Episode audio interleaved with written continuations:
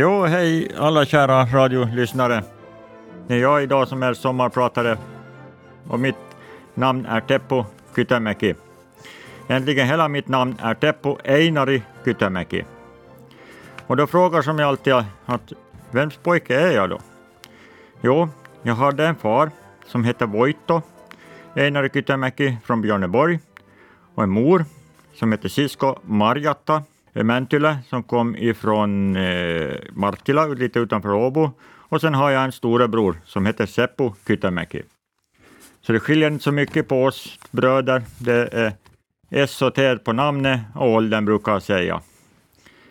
Och eh, jag tänkte nu lite köra en, en, börja med att köra en låt som betyder väldigt mycket för mig då när jag var ung och hade möjligheter och få en kassettbandspelare och en kassett. Sen utav de första låtarna som jag tänker köra så är Nazareth Love Hurts.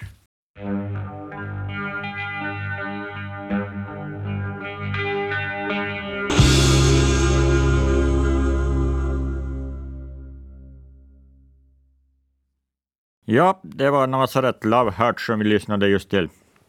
Jag är född 62 1962 i Mariehamn, närmare bestämt bodde vi på Norra gatan. Och nu tänkte jag berätta en tragisk historia som hände i mitt liv tidigt i livet. Och det var när jag miste min far 1962. Och det hände faktiskt på julaftonsnatten. Det är inga många som vet om det, men att det var natten mellan julafton och juldagen som han gick bort. Mycket tragiskt. Och jag har fått det berättat för mig som barn hur det hade gått till. Och jag har också själv lite undersökt hur det har gått till. Och det var ju så att han hade en inneboende, min mor och han, i deras lägenhet. Och eh, de var ute och festade lite med sina kompisar på julafton då. Det har jag också provat med i min ungdomsdag, det kommer lite längre fram i programmet. Och det har varit bråk i lägenheten och, och, och inneboende tog en vätklabbe och slog till honom så pass hårt att han var liggande på golvet i vardagsrummet. Eh, min mor var ute på kvällspromenad med mig, som var bara åtta månader gammal, och min kära bror som var cirka två år gammal. Eh, när hon kom hem gick hon och tittade till honom och trodde att han hade somnat, alltså att han hade druckit för mycket och somnat på golvet. Så hon satte en filt över honom och, och lät honom vara liggande där. Men på natten sen så hörde hon konstiga ljud därifrån, från vardagsrummet. Så hon steg upp, gick ut och tittade och då rann det blod ifrån näsa och mun. Och då fick hon ringa efter ambulans. Men tyvärr så gick inga hans liv till rädda. Så han gick bort han natten mellan julafton och juldagen 1962. Nu tycker jag att vi kör en ny låt, en låt som har betytt också ganska mycket för mig. För jag har alltid haft och kommer alltid att ha något som heter Gasen i botten. Och då tänkte jag att vi kör Eddie Meduza, Gasen i botten.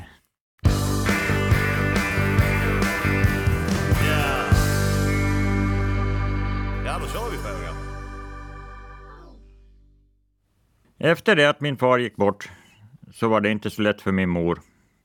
Finsktalande med två små barn. Jag som var åtta månader och min bror som var cirka två år. Men hon kämpade på och fick till slut en ny lägenhet och den hjälp som hon kunde få som fanns den tiden. Jag kan också berätta att det fanns ett sällskap med några finsktalande män som höll ihop denna tid i Mariehamn. De hjälpte varandra. Och om det var problem någonstans så hjälpte de med pengar, med mat, hyra, husrum. Det var allt, de, de, de höll ihop och de hjälpte sig. Och det var väl därför som min far och min mor hyrde ut ett rum åt inneboende. För han hade väl ingenstans att bo och sen fick de lite hjälp med hyran. Men tyvärr så slutade det så tragiskt för honom. Det fanns också en man där som hjälpte min mor ganska mycket. Och eh, han blev till, till slut så blev han hennes nya man, alltså min styvfar. Där kan jag lite berätta lite längre fram lite hur vår relation mellan styvfar och, och, och, och, jag och min bror, hur vi hade det. Men vi tar det lite längre fram i sommarpratet här så får vi alltihopa på rätt. Så nu tycker jag att vi tar en låt igen. Jag tycker om gamla rock'n'roll-låtar. Så vi kör en gammal Heather Slade, Far Far Away.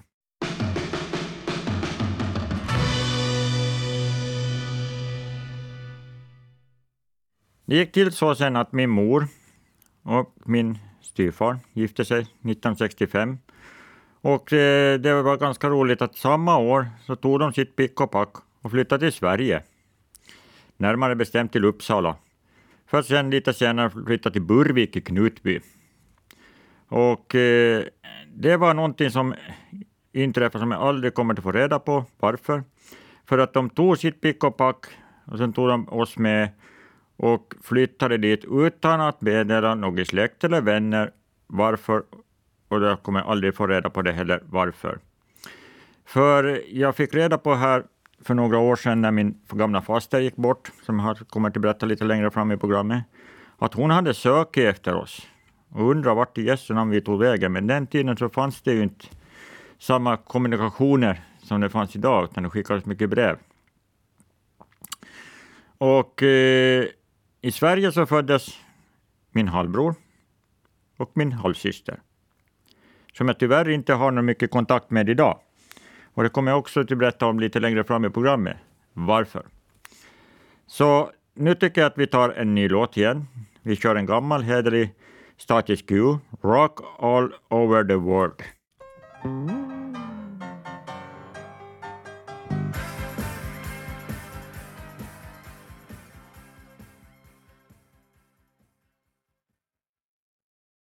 Vi flyttade sen tillbaks från Burvik, Sverige, 1969 till Åland igen, närmare bestämt Dalkarby i Omala, till ett gammalt hus där varken hade vatten in eller hade toalett in, utan det var utedass.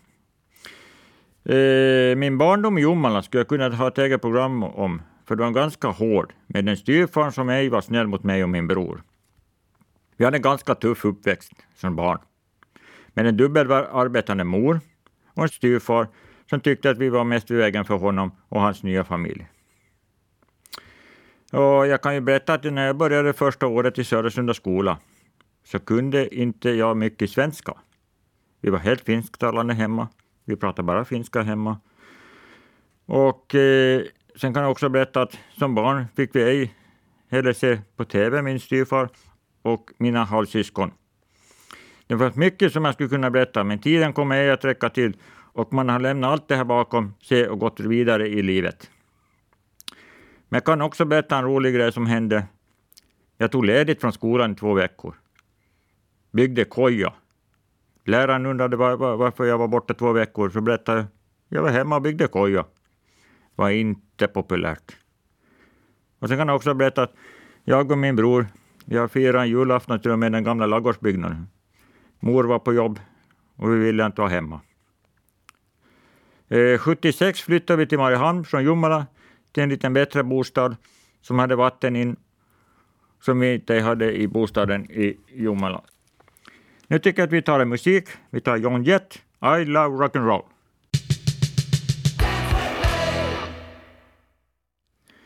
Ja, det var John Jett, I love rock'n'roll när vi flyttade till Mariehamn så flyttade vi tillbaka till Norra gatan. Så där kunde man tycka att då var cirkeln sluten. Eh, men det, där bodde jag och min bror fram till 78. För att då fick jag tag på en liten etta på Klintvägen 18. Och eh, det var via mitt jobb. Jag jobbade på Mattias Eriksson då och var bara 15 år. Sommarjobbade där och fick övertalat att jag fick en hyra en etta därifrån. Jag skulle just fylla 16, gick sista året i skolan, alltså nian. Så det var nog ganska tufft att ta pick och pack och flytta som hemifrån, som det hette, men vi hade ju aldrig vana till att vara hemma. Och vi kom ju aldrig överens med vår styvfar, så vi tyckte det var lika bra att, att vi tar pick och pack och flyttar. För eh, det blev bara mer och mer konflikter med honom. Vi firade aldrig jul, för min mor hon firade aldrig jul tack vare att hennes första man gick bort på julafton. Vi var aldrig hemma och firade födelsedagar, för det var vi aldrig vana till att göra, min bror och jag.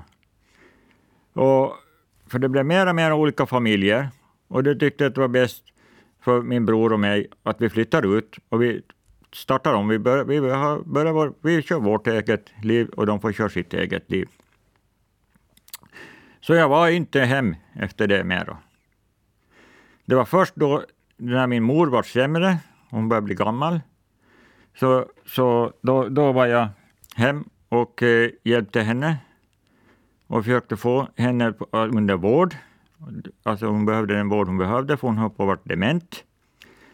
Och eh, det värsta som var, hände, så måste min bror och jag ordna en förmyndare åt henne. För de tyckte att nej, hon ska nog klara sig hemma, men vi tyckte nej. Och vi fick läkarmästerskapet med oss att nej, det hjälper inte, men att vi måste tyvärr ordna en förmiddag åt henne. Och eh, år 2007 dog min styvfar. Och då visade det sig lite varför vi har levt som två olika familjer. Och det är där som orsaken är att inte vi har riktigt kontakt med min halvbror och min halvsyster. För min halvbror gjorde allt som fanns i hans makt att gå bakom vår rygg med bouppteckningen efter sin far med mera.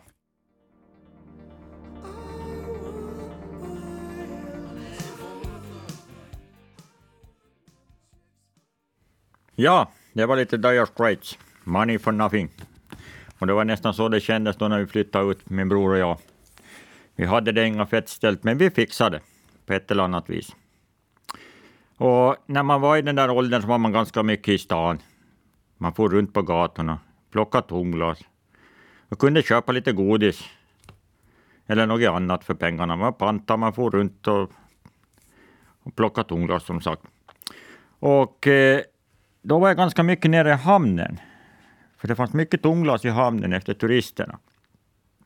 Så det var liksom en guldgruva för en liten gosse att få lite tomglas och panta. Och eh, min, mor, min mor jobbade då på Hotell Adlon. Och jag var ganska mycket där med henne. Och på ett eller annat vis så började min karriär då det där. För jag fick börja jobba på Mattias Erikssons butik nere vid hamnen i samma hus som Hotell Adlon är idag.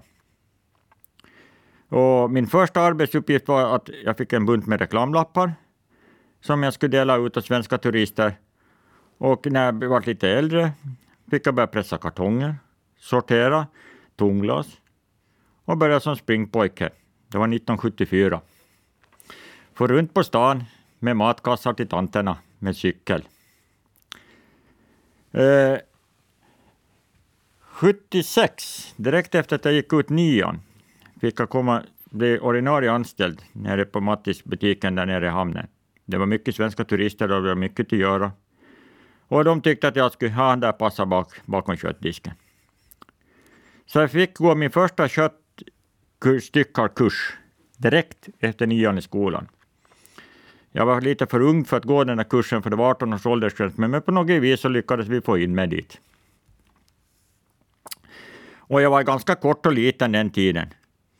Så jag kan berätta en sån sak att de gamla diskarna var ganska djupa och korvarna låg ganska långt framme. Så jag måste ha platåträskor på mig för att räckas till korvarna som låg längst fram i köttdisken, som kunderna ville ha. Och det var tur att man hade bra arbetskamrater och bra start då att jag fick vara där nere på Mattisbutiken och hjälpa till. Jag fick egentligen jobba bara sex timmar, men jag var där åtta timmar, för det var så mycket jobb. För att i min ungdom sen, höll det på gick lite galet när man var ung. Det var mycket festande, busande.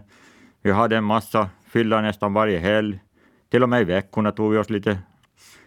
Och det hände ganska mycket som jag ej brukar berätta så mycket om, för jag brukar tänka att det är onödigt att dra upp sådana gamla grejer. För vi var inte riktigt snälla ibland. Var till och med förlovad och sambo.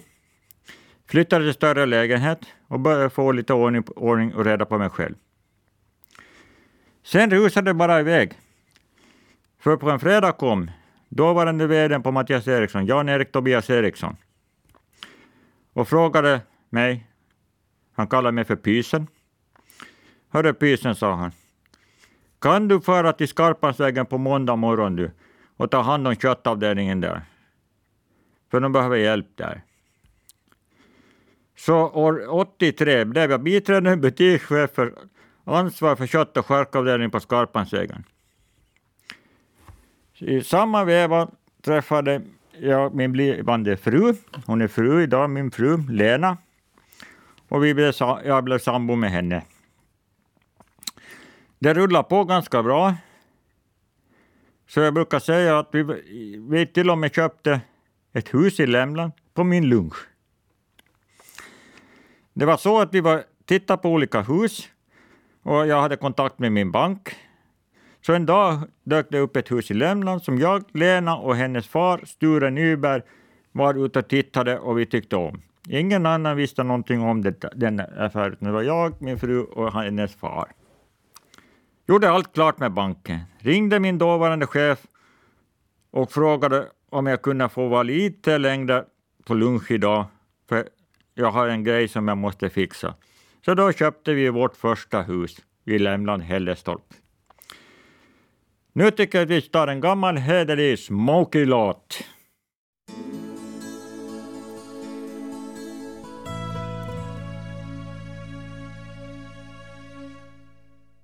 Under min tid som på Mattias Eriksson på Skarpansvägen så sommartid var jag ganska mycket ute i Eckerö och hjälpte till. Mattis hade butik nere i Berghamn, nere i hamnen. Och sen, sen eh, så var det så att de köpte den där Storbybutiken, gamla Överstånds butik som det hette. Och eh, mitt i alltihopa där 1989 blev jag tillfrågad om jag skulle vilja bli butikschef för Mattias Erikssons butik i Storby. Det tyckte jag lät intressant. Jag har ju haft en bra chef, jag har haft bra chefer i min karriär. Jag vet hur en chef ska vara. Man ska höra på sin personal, man ska lyssna på dem och man ska ta åt sig om det är kritik. Så då tog min karriär ett steg framåt igen. Det blev långa dagar från tidig morgon till sen kväll.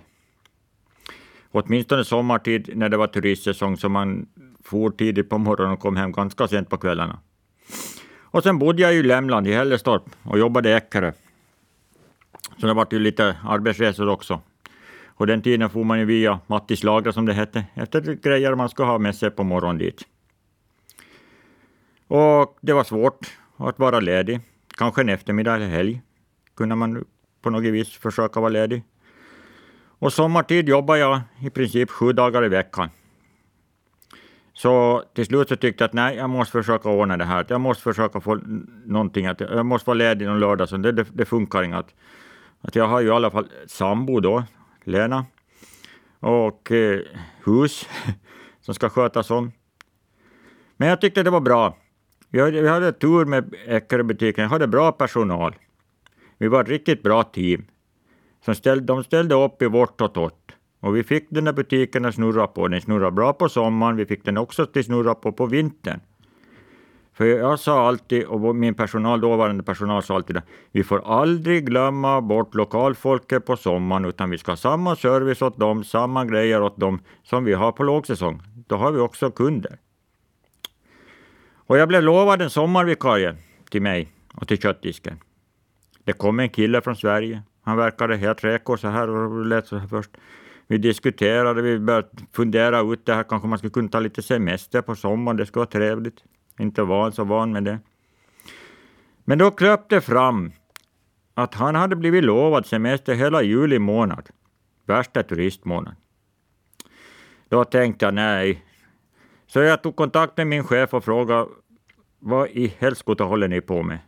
Att jag ska göra vikarie till mig över sommarmånaden som är värsta turistmånaden, då ger ni han semester den månaden. Ja, de vände och vred sig på stolen och inga fick något vettigt svar. Efter denna säsong så sa jag upp mig på stående fot utan att jag har något jobb att gå till. För jag var så trött på alltihopa, hur de skötte om det där. Du lyssnar på Sommarprat i Ålands Radio och jag som sommarpratar heter Teppo Kytemäki. Så nu tycker jag att vi kör en gammal hederlig ACDC-låt.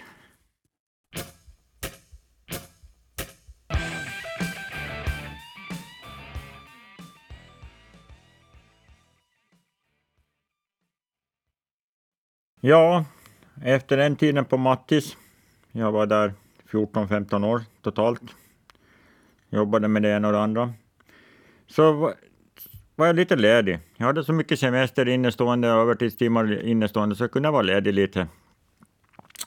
För att 1991 blev jag tillfrågad om en tjänst vid Arlands andeslakteri i Jölby som lageransvarig. Och eh, det var ganska, jag tänkte att jag, kan, jag måste ju ha ett jobb att gå till, så jag tog kontakt där och, och, och, och vart och diskuterade vart anställd. Då. Och då jobbade jag där fram till 96, för då slutade Anders slakteri med sin verksamhet. EU kom emot och lokalerna började vara dåliga, och, så de slutade avsluta sin verksamhet. Men jag kan berätta en ganska rolig sak som jag fick vara med om. Jag fick följa med Nisse Granna, som var dåvarande slakteriförman, på nötslakt i Geta. Jag hade inte, jag hade inte lastbilskort, så han tog, vi tog gamla Nödslagsbilen därifrån. Och när vi satt och körde till Geta, så han, varenda en gård som vi passerade, så berättade han vilka som har bott där och vilka som bor där nu, vad de hade för djur med mera. Och när vi kom fram till Geta så hade vi sådana långa diskussioner så vi hoppade ur lastbilen, in i laggården och laddade. Det var den tiden man fick göra nödslakt hemma hos bonden, det får man inte göra idag. In med bössan, men vi höll på att sköta fel ko. Bonden kom ut rusande, nej, nej, ni är på fel ko, det är denna ni ska ta. Men att vi fick omkull den och fick blodet ur den och fick allt gick som det ska göras.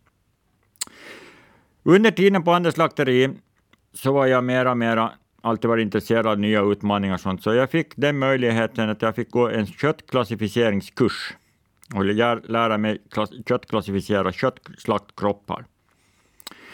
Den kursen gick i fasta landet, på i Finland, ganska mycket på finska. No, det var inga problem, jag kan ju finska. Och eh, jag var på slakterier i Finland, mycket i Forsa slakterier på slaktbandet och klassificerade slaktkroppar. Och sen var det yrkesprov på det hela. Och jag fick licens till att göra det.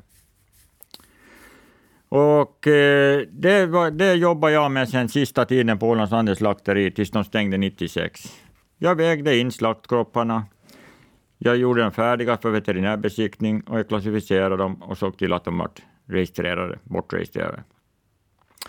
Och när Anders slakteri stängde 96 så fick jag anställning på då Esso, då var det Rundbergs Bil och Service.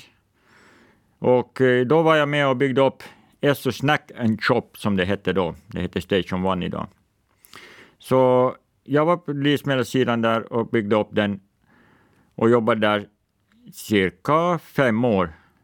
För att sen kom det fram till att den ska byta bransch helt och hållet. För jag håller på med livsmedel, att nu fick jag en mycket mer intressant bransch att komma till.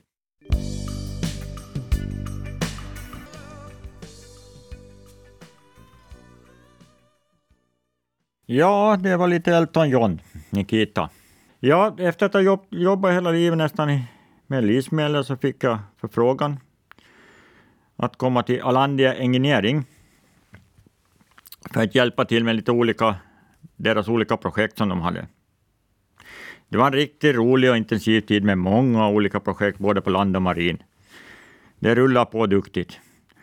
Och eh, som ni vet, Alandia Engineering de gör mycket marint jobb. Så jag var många gånger till Åbovarvet på nybyggen och till Nådendal på olika dockningar av färjor. Så det var mycket lite resor och så här, så det var, det var roligt.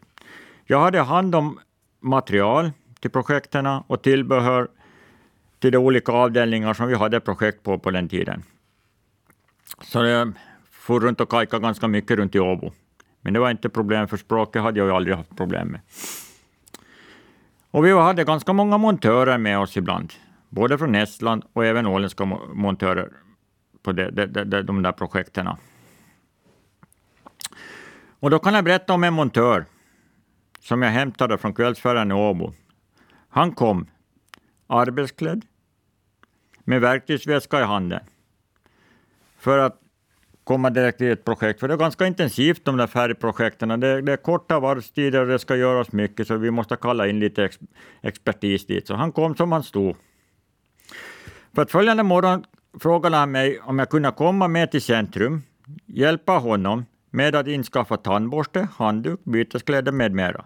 Han hade ingenting med sig. Han hade verktygsväskan och arbetskläderna med sig. Så intensivt jobbade vi då. Och så rullade det på tills en dag det minskade på projekten och dåvarande chefen kom med en permitteringsvarsel.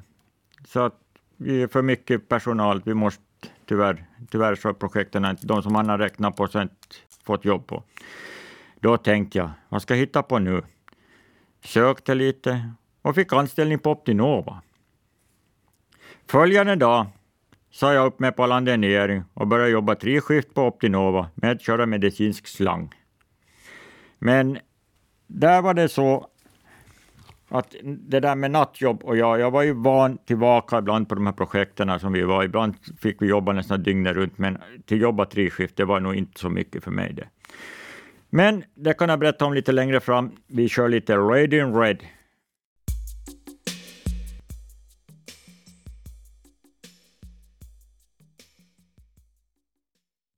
Ja, jag var på Optinova som sagt, körde treskift, körde medicinslang. Och eh, efter cirka ett år så ringde de från alla Gäring. Jag har haft lite kontakt med dem ändå, fast jag var på Optinova, för det var oftast projekt som de ville ha lite hjälp med, kanske något material och sånt här, som jag hade hand om ganska mycket där. Så. De undrade om jag ville komma med och hjälpa, hjälpa till att bygga upp deras lager och med alla projekt som hade kommit in, både på land och marint. Så jag tänkte att ja, det där treskiftjobb, nattjobb, det var nog inget mycket för mig det. Jag, kvällstrött som man är, man ska nog sova på nätterna tyckte jag. Så jag hoppade på det igen då. Jag tog kontakt med Allan och, och var åter på, hos dem. Var åter på olika varvsjobb ombord på färjorna och började sakta men säkert att sälja elförbrukningsmaterial ombord under dockningarna. Så jag var med och byggde upp en liten försäljning där tillsammans med Landeniering och dåvarande Elektroskandia. Så att vi sålde och levererade elmaterial åt Vikingfärjorna också i trafik. Det var mycket intressant. Jag höll på med många resor fram och tillbaks med färjorna för att bygga upp detta. Och i samma veva där så kan jag berätta, jag har berättat om min blivande fru, men då var hon fru. Det var så att hon fyllde jämt, skulle fylla jämt. Och vi funderade på att vad ska vi hitta på? Att hon, hon har stor släkt och mycket vänskap som vi har.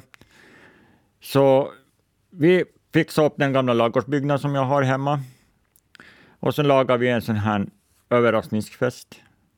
Och mitt i allt i den vevan så vart det bröllop. Så då vart hon fru Kytemäki. Min lilla bollplank som jag haft.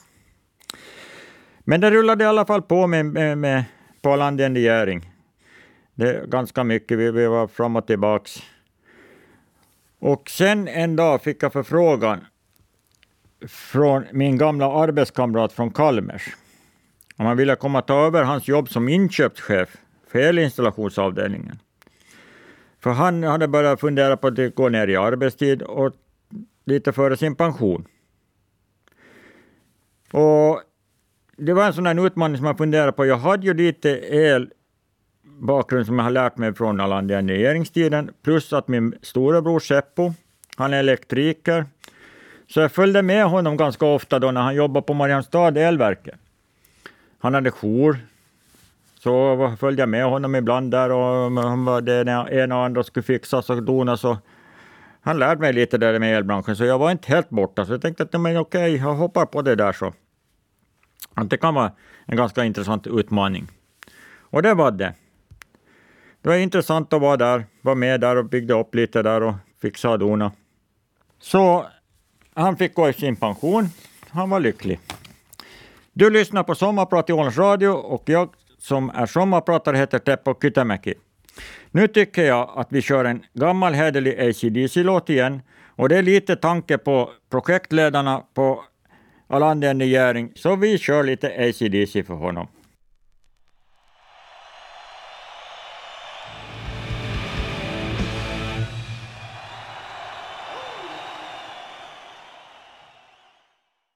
Sen efter att jag har jobbat cirka fem år som inköpschef på elinstallationsavdelningen på Kalmers så såldes elinstallationsavdelningen till Harris El AB och jag fick följa med i övergången. Så jag vart såld. Blev kvar hos Harris El i cirka en och ett halvt år med att reda upp allt som hade med övergången att göra, som till exempel material från Kalmers som hörde till Harry El. Och under tiden blev min faster sjuk. Henne fick jag kontakt med egentligen först 85, för att före det hade vi ingen kontakt med henne. Och 85 då fick jag kontakt med henne tack vare det att min farmor dog.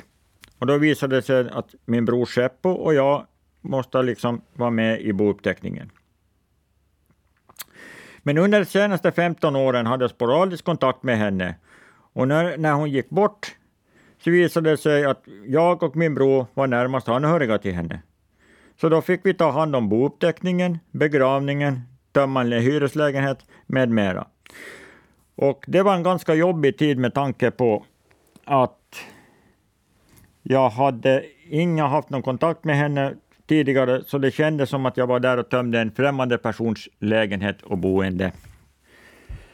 Sen kom det ett tillfälle och en möjlighet uh, på Dalmans AB, Eh, alltså, som, att, att, uh, som jag sökte faktiskt och fick komma som försäljare och fick jobbet. Där trivs jag bra med högt arbetstempo och mycket nya utmaningar som vi har inom Dalmans. Och vi säljer deras produkter och jag har hand om, haft hand om lite demosar i butikerna.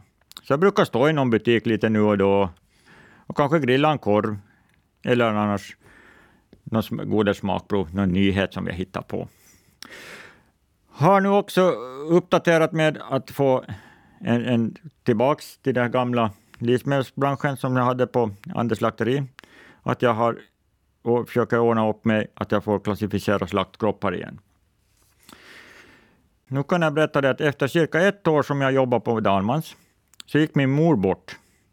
Då har hon varit ganska länge och hon har varit under demensvård. Och då fick jag möjligheten att det skulle redas upp allt efter henne. Min bror och jag var helt överens, alltså Seppo och jag. Men min halvbror och min halvsyster hade en helt annan åsikt. Hur det skulle redas upp och det framkom lite om hur det hade gjorts efter min styvfar. Därför kan jag berätta för er att därför har jag inte någon mycket kontakt, för det visar sig fortfarande att vi är som två olika familjer. Min halvbror, min halvsyster, min bror och Seppo och jag, vi är olika.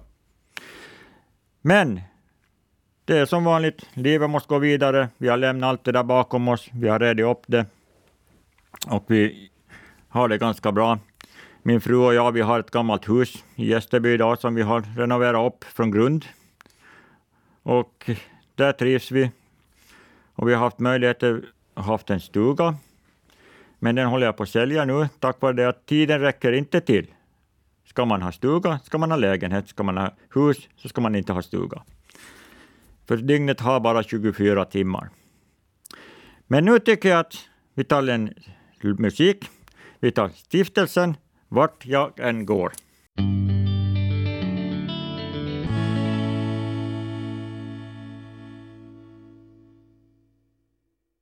Du lyssnar på Sommarprat i Ålands Radio. Och jag som är sommarpratare idag heter Teppo Kytemäki. Jag vill tacka er alla lyssnare som har orkat lyssna på mig. Och jag önskar er allihopa en riktigt bra sommar. Och framför allt, ta vara på era familjer. Det ska jag göra, min lilla familj. Det är min bror med hans familj och det är min fru Lena och hennes familj. Och som avslutning så har jag en, en låt som har betytt mycket också för mig i min ungdom och det är Harrigan's Roadrunner. Tack ska ni ha, tack för mig.